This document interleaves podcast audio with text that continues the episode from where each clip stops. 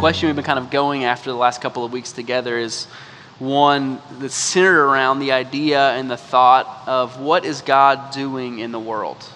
I don't know if you thought about that question, right? Like, what is God really doing? What's this all about? Like, what's God doing? We saw last week that many people will say, okay, I, will give you there is a God somewhere in some form, right? And if that's true, then I'll give you that the Bible may at the least be a compelling story about humanity. Like that's kind of baseline. A lot of people will say, okay, I'm in on that. But, but if that's all true, well, then what's God doing in the world? Like what's happening? Where are we moving? What are we moving toward? And that's what we want to talk about over the next month or so. We'll take some breaks along the way. We'll pray about that, encounter that work, not just as a theoretical idea, but as what God is doing in us and through us for His glory.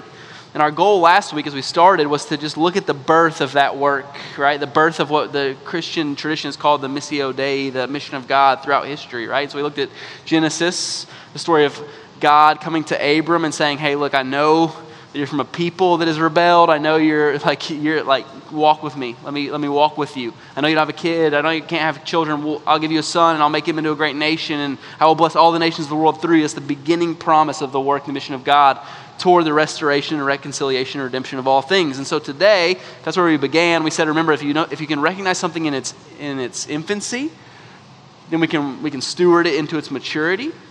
So as following followers of Jesus, that's like that's Jesus' thing, right? Like, where's the fruits?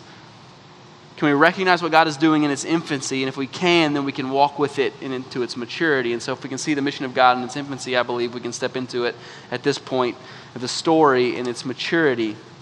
And so, if that was our goal last week, today our goal is simply to move through the story so that we can see God's mission, the way it develops, and how He works in the middle of that story, bringing about what I believe is the culminating moment of human history in the life and the death and the life again of Jesus.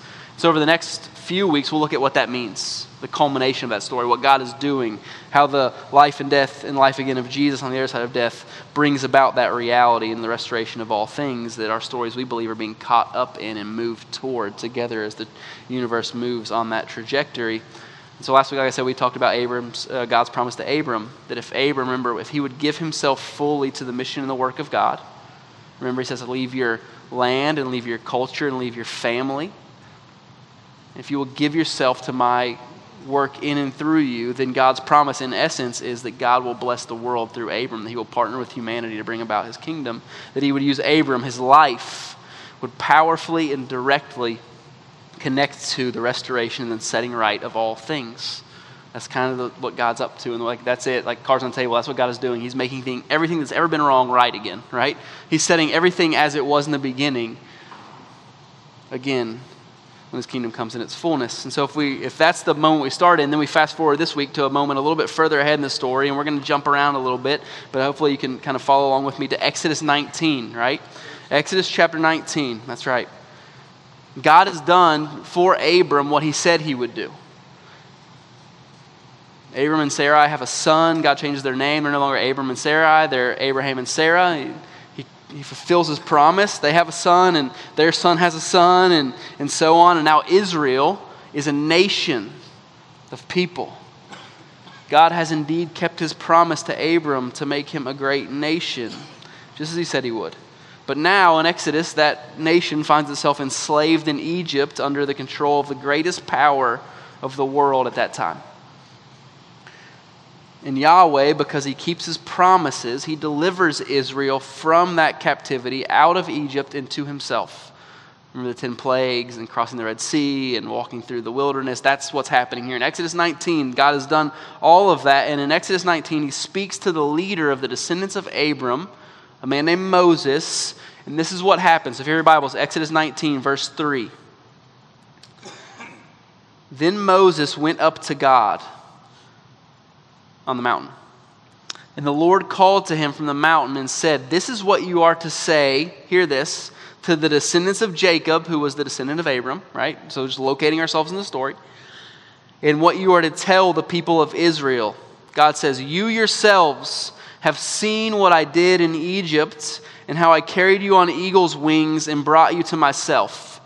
Verse 5. Now, if you obey me fully, and keep my covenants, if you live up to the agreement that we have made, right, for what it means to be your king and you my people, then out of all of the nations you will be my treasured possession. And I'm sure they love to hear that, right? Like you will be the treasured possession of Yahweh, the God of the universe. It's an amazing promise. And then he says, Although the whole earth is mine, you will be for me a kingdom of priests and a holy nation. And God says, These are the words you were to speak to the Israelites. This is the promise I'm making to the descendants of Abram. I'm re upping. I'm, I'm telling you, I, I'm still in, right? This is what I will do. I will bless all the nations of the world through you. It was my plan from the beginning. It's what I'm doing now. There's a lot here we could talk about. But the one thing I want us to see this morning is God's faithfulness and his commitment and his desire to work with humanity, through humanity, for the good of humanity. Like that's the way he does it with humanity, through humanity, for the good of humanity, and not just for the good of humanity, but for the good of the cosmos, for the restoration and reconciliation of all things. He did it with Abram, right? He said to Abram, I will bless the nations of the earth through you. I will make you a great nation. That's how I'm choosing to do this. And now he turns around to the descendants of Abram and to that nation of people that he promised he would make. He says these words Although the whole earth is mine, just in case you thought you were special, like like, this is all mine. Like, I made it. I dreamed it into existence. I opened my mouth. Worlds flew out of it. Like, come at me later when you think you're important. Like, this is all mine. You will be for me a kingdom of priests and a holy nation. And I don't know that if we think of priests, I think about my friend Father Al. He's the priest at the Mission Red Bank, the Anglican church here in town. But we don't think often of priests. Like that's all they. That's really it. Like that's outside of like Catholicism and Anglican church. Like a pre, like we don't think about priests very often, at least in the at least in the Old Testament context, right? And so God says to Abram, You will be a nation of priests. What does that even mean? What does a priest do? Historically, in Israel, what did a priest do? Well, they did a lot of things, right? They offered sacrifices. They went into the presence of God on behalf of the people. They tied a rope around the high priest's ankle once a year. He walked in in case he fell dead because he encountered the presence of God. Like, they went before God on behalf of the people and they mediated the blessings of God to the people. Right? It's kind of the, the role of a priest, the go between between God and the people. That's why you see functioning that role functioning in the people of Israel. But it's important because, because God says to a people who he, would, uh, he was going to name the brother of this man, Moses, who he's speaking to, Aaron, he was going to name him the chief priest of Israel, right? Like Israel would be a nation with priests. That was how they were, were, how they were going to function. But it's interesting, he doesn't say to Moses, You will be a nation with priests. He says, You will be a nation of priests. That every one of you, as part of the people of God, now steps into the role of being a priest, of mediating God's blessing and favor and presence to the people whom you encounter. And the problem with Israel, and the problem with us as the church, is that we hear that you will be God, you will be God's treasured people among all of the nations, and we love it. We're like, yes, like God loves us. He's with us. Right? And we miss the part that, like, hey, like you are a priest that is meant to mediate. The purpose of your life is to mediate that favor and love of God that you've experienced and invite people into what God is doing. Like that's your role. And he says to Moses, Hey, you're not a nation with priests, Israel, you are a nation of priests. A holy people, a people set apart, not to isolate, not to retreat, but to engage, to push all the way in with the good news of Yahweh's redemption, restoration. Like that's the call on your life and my life by extension, I believe, as part of the people of God. He says, Moses, you will be a people who are priests to those around you. Do we see the theme? God working through people for the blessing of the world. We go from that picture of God's invitation to Israel in Exodus chapter 19 into the rest of the Hebrew scriptures, the rest of the Old Testament, in which sometimes they get it right and God moves and the nations are blessed, but oftentimes, more often than not, they don't. More often than not, we don't. We come to this moment in our text today that we read already together where Israel, the prophet Isaiah, is speaking the words of God to the people of Israel. And in that moment, Israel has failed to live up to the agreement they've made. Remember, God says, Hey, if you'll keep my covenant, they don't. Spoiler alert. If they don't, it doesn't go well. And they failed to do that. They've run after other gods. They've worshiped idols. They've fought wars they weren't meant to. They've oppressed people they weren't meant to. And now they find themselves in exile, taken out of the land that Yahweh gave them, that Yahweh had promised them, their forefathers. And though the story has continued for hundreds of years after Abram and after the patriarchs and after the Exodus, we're not that far from Babel, honestly.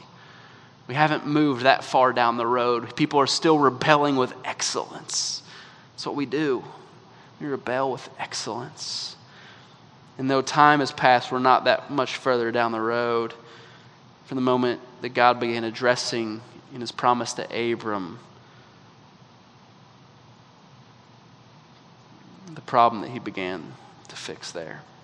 And so, in that moment, in that moment, in the text of Isaiah that we read at the beginning of our time together, it comes to Israel on the lips of the prophet Isaiah. It's a moment of exile, which we don't get. Like, like yeah, exile. It's like a biblical thing. Like we don't get it. It's a moment of exile. Like literally everything that they that they had hoped and that they had pinned their hopes on in life, what it meant to be a nation, the people, the promise, been all taken away from them.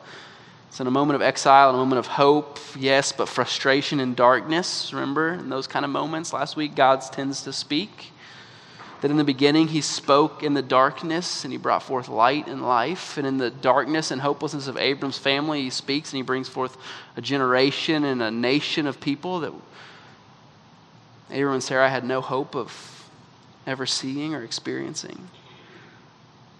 He spoke in the hopelessness and the futility of Babel, and he made a promise to Abram. And he speaks here again on the other side of that promise. And when he speaks, it's about what he will do, about what he is doing. If you go back to what we read just a little bit earlier, there Isaiah says, It is too small, hear this, it is too small a thing for you to be my servant to restore the tribes of Jacob.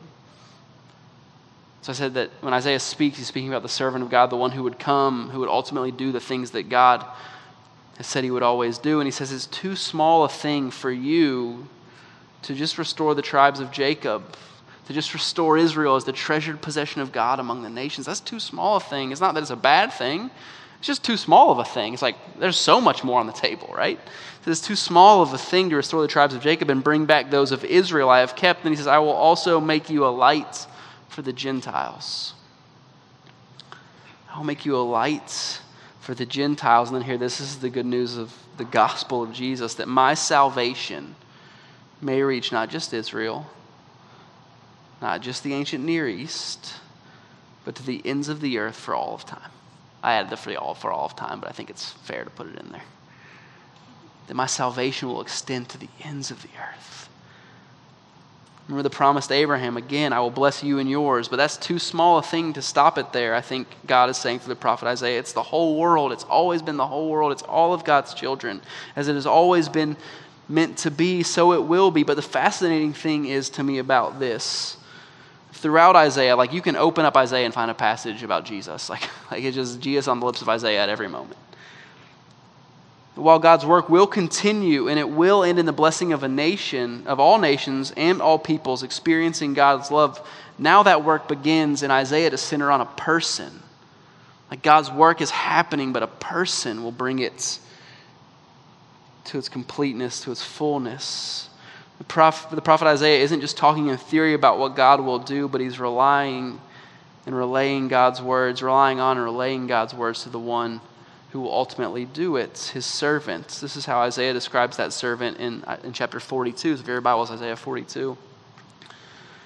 This is about Jesus. It's about the one who will ultimately bring about the work and the mission of God in the world. It says this, verse 1 Here is my servant whom I support. Just listen to this. Hear this read over you. Think about Jesus as we do. Think about his life. Here is my chosen one Here's my anointed one. Here's the Messiah, with whom I am pleased. You ever hear God speak those words over Jesus? With whom I am pleased. I have put my spirit on him. He will bring justice to the nations. He will not cry out or raise his voice. He will not make his voice heard in the streets. Think about the character of Jesus, right? Like I, I could listen to that one for a minute, just about my like general like attitude about life and how I, how I handle myself. He will not break off a damaged cattail. He will not even put out a smoking wick. He will faithfully bring about justice. He will not be discouraged or crushed until he has set up justice on the earth. The coastlands, the end of the earth, as God said earlier, will wait for his teachings. This is God just reaffirming his promise in the person of Jesus. To the ends of the earth, the coastlands and in antiquity, that's it. That's where it ends. Like there's no boats. I mean, there are, but not any that can go anywhere past where you can see.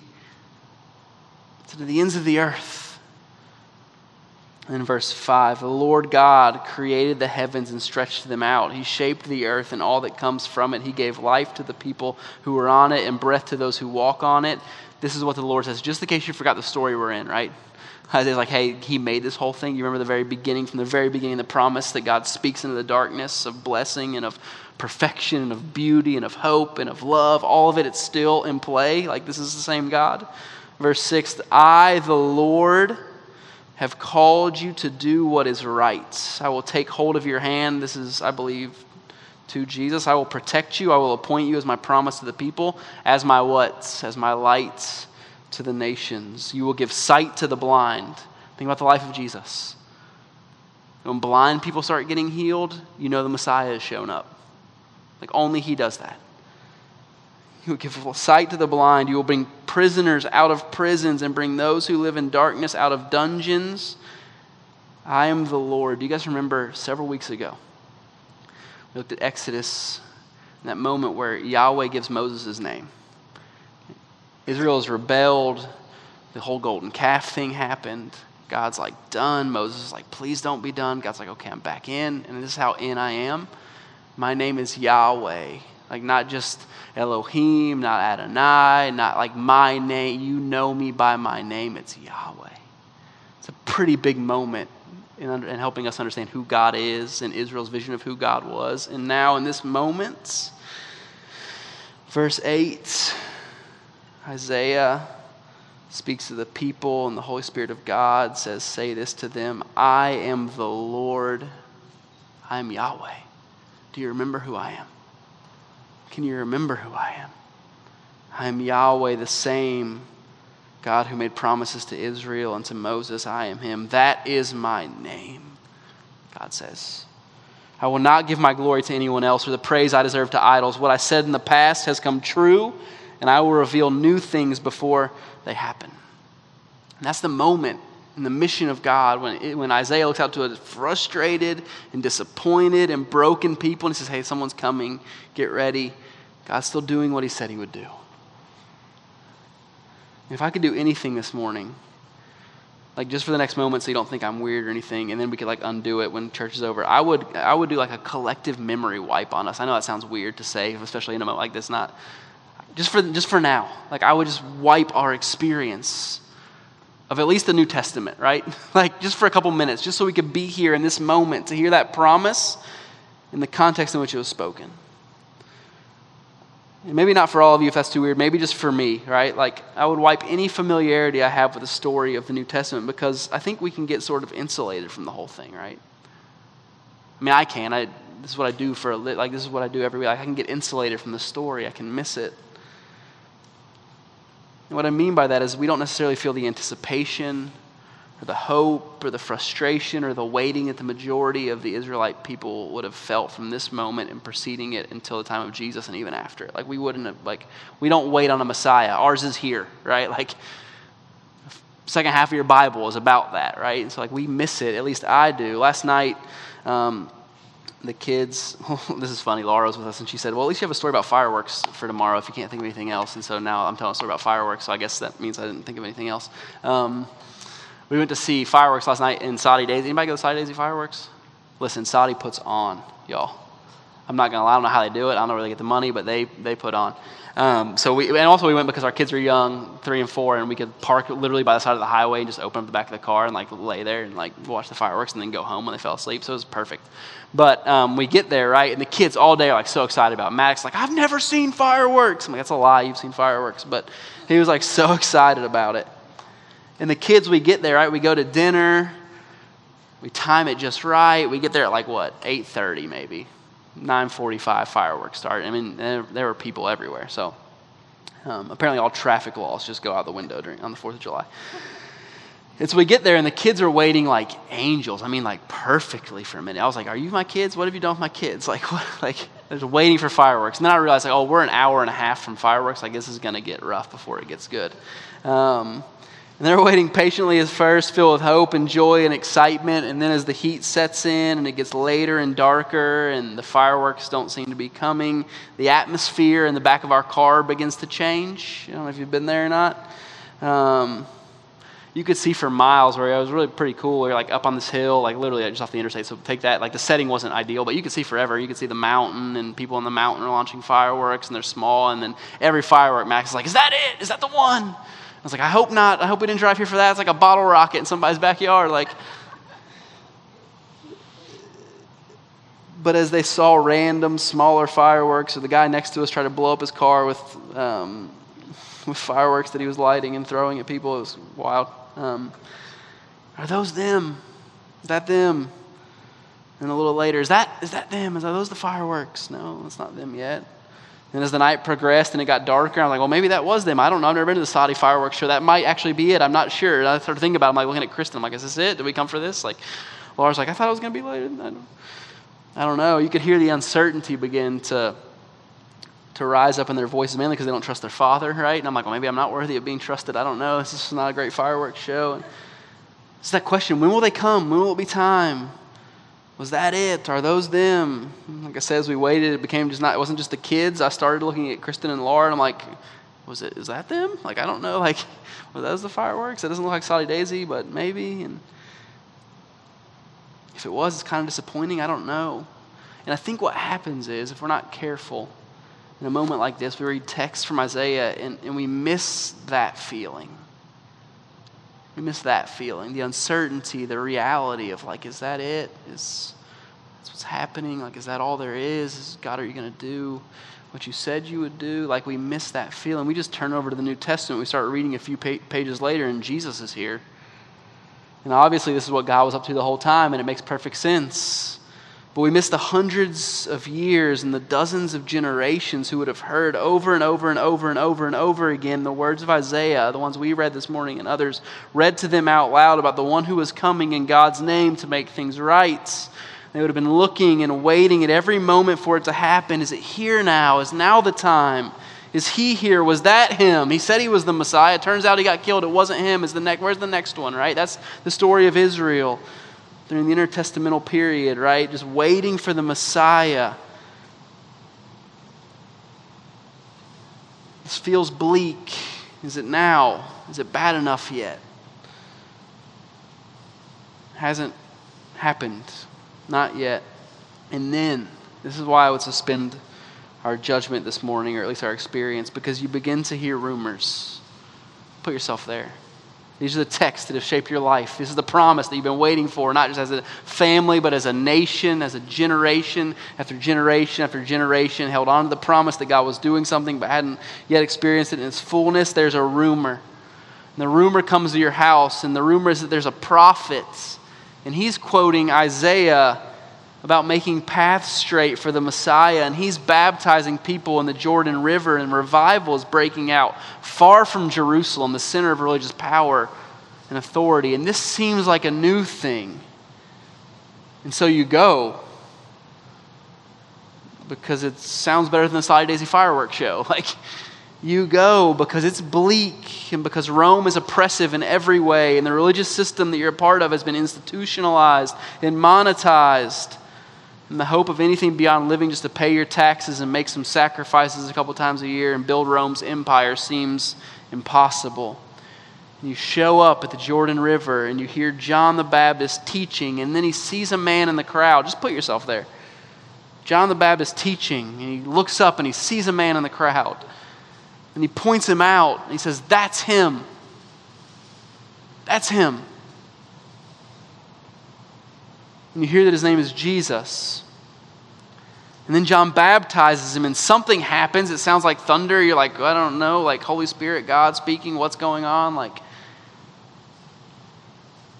you're not sure what it is. And then Jesus is gone, and someone tells you that they saw him walking alone into the wilderness, but you're not really sure what's happening. And so you go home now with the words of the prophet Isaiah ringing in your ears, hoping it was now, but not sure and disappointed because you can't find him. And you're back at home and you look up one day, a month or so later, back at home in Galilee, and an out of the way place in an out of the way region in a country that doesn't even warrant a footnote on the global map of the day. And you see this man, Jesus, walking into town. Put yourself there. And then you hear him speak. And as Mark rec- records in his story about Jesus, about the servant of God, about God himself who would make all things right and do everything that we've been reading about this morning together, you hear Jesus say these words Mark 1, verse 15 The time has come.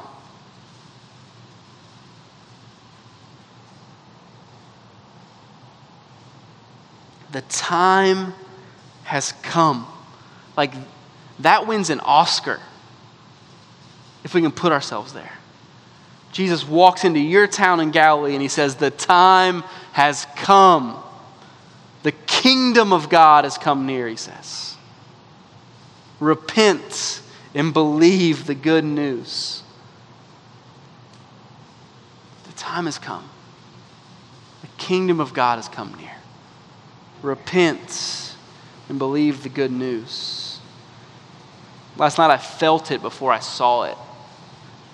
Out of the still, humid, hot night that had forced my son to take off his shirt and then his pants. Like he's sitting in the back of the car. Just, I'm like, it's fine. We're in Soddy Daisy and it's fireworks show. You do, you do you, man. Like you're fine. You're not the only one, probably. Um, I live in Soddy Daisy. I can say that. Um, well, close anyway. In that moment, in that context, I felt it before I saw it. And the fireworks show erupted into the night sky, and it was bigger, honestly, than I could have ever expected. And it was long. I don't know. Again, I, I'm, I need to t- figure out how Soddy Daisy like does taxes because like it was a long. It was amazing. It was amazing. And Ezra saw that first one, and he looked at me after a night of questioning. Is that them? Are those the ones? He looked at me and he said, "That's them." That's them. And I was like, that, that is them, dude. Sit down. Like, we're going for a ride. That's them. There was no doubt. There was no doubt that that was them. And Jesus comes in that moment. And he says, The kingdom of God has come near. Repent. It's go time. Like, it's here. It is here. And that's how it seems to go, isn't it? I mean, that's how the work of God comes to us so often. Out of the darkness, His voice booms into our lives and into our cities for His glory and our joy. And that's where we're going to end this morning. There's so much more I want to say. Like, Jesus says, Repent, the kingdom of God has come, and then He begins just to bring the kingdom of God. We'll talk about it next week. Well, not next week. Next week, we're going to pray and talk about some cool stuff. Repent, the kingdom of God has come. And then He's like, All right, sickness, be healed little kid, you were dead. That's not how that doesn't happen in the kingdom. Like, be made alive. Like, you're demon possessed, not here. Get out of here. Like, it's amazing. Jesus begins to bring the kingdom in all those places. But I want to stop here today. Because I would pray that the words of Jesus this week, the time has come, would echo in our hearts and our ears. We wouldn't move past it too quickly. We would be able to hear it because there's a lot we can talk about, and we will over the next coming weeks, we'll talk about what it means for Jesus to bring the kingdom of heaven near. But this week, I just want to ask the question what would it look like? What would it feel like? How would it change how we lived if we heard Jesus without the story already neatly sorted in our minds, without the categories already set, without the baggage that comes for us on this side of that whole story? What if we heard him speak in the fulfillment of the anticipation that all of human history has been waiting for all of time for, since the moment God, promised something to Abram? What if we this week heard him say, The time has come? What would it mean for you? The time has come. Would it mean, like, yeah, it's time? Like, I want to give my life to him and all that I have because the time has come. But I mean, that addiction that I've been like fighting for years, like, like, yeah, the time has come. Like, let's do something about it. Mission of God speaks to what it mean. Like, man, I haven't heard the voice of God in so long. We would now hear for the time in this moment, like, yeah, it's time. I'm here. I'm working. I don't know what it is for you this morning. I don't want to move past it. I want to race past it. I don't want to presuppose it's something. I want to tell stories of what it meant for people 2,000 years ago in Palestine when Jesus walked in and said, The time has come. I want it to be for us this morning because I believe that it is. So we believe all of this is moving to new heavens and new earth, a restoration of all things, a setting right of the way of all things that have been broken. I believe that is true, but I believe in the meantime, God encounters us with his mission as a grace that can change our lives and set us on a trajectory of participation in bringing about that reality. That Israel is always meant to be a people on display. Not so people could see how great they were, how cool they were, like so they could see what it means to live in a relationship with the living God of the universe, to have your sins forgiven, to have your brokenness set right. And that just as they were meant to live on, as a people on display, we as the church of Jesus are meant to live as a people on display, not hiding the things that God has worked in, not, not putting out a front. Saying, this is what God has done, and this is what the mission of God, the work of God, has meant for me and my family and my neighborhood, my school.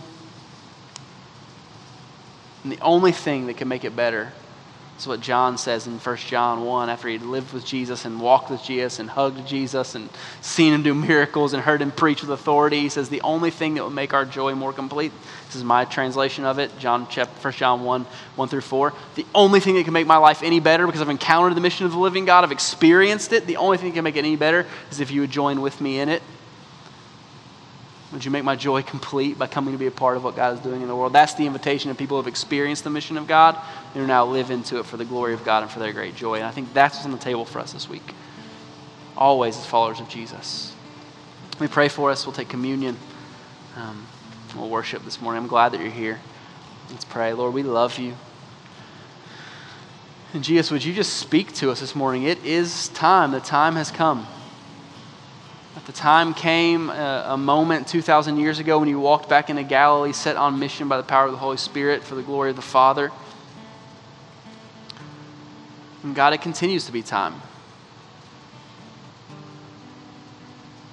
And just as my four year old's heart was arrested by the beauty of fireworks that he had been waiting for, that when he saw them, he knew beyond the shadow of a doubt that that was them.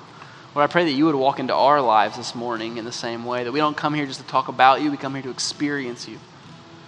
so, Jesus, would you walk into this space this morning? Would you announce in the way that only you can, maybe not with a fanfare of fireworks, but in the simple, small, still voice of a faithful friend, that it is time. That the work you want to do, you are capable of doing, and that you are faithful to fulfill, that you are faithful to take it to its completion. So, Holy Spirit, we pray that in this moment you would be thorough but that you would be gentle.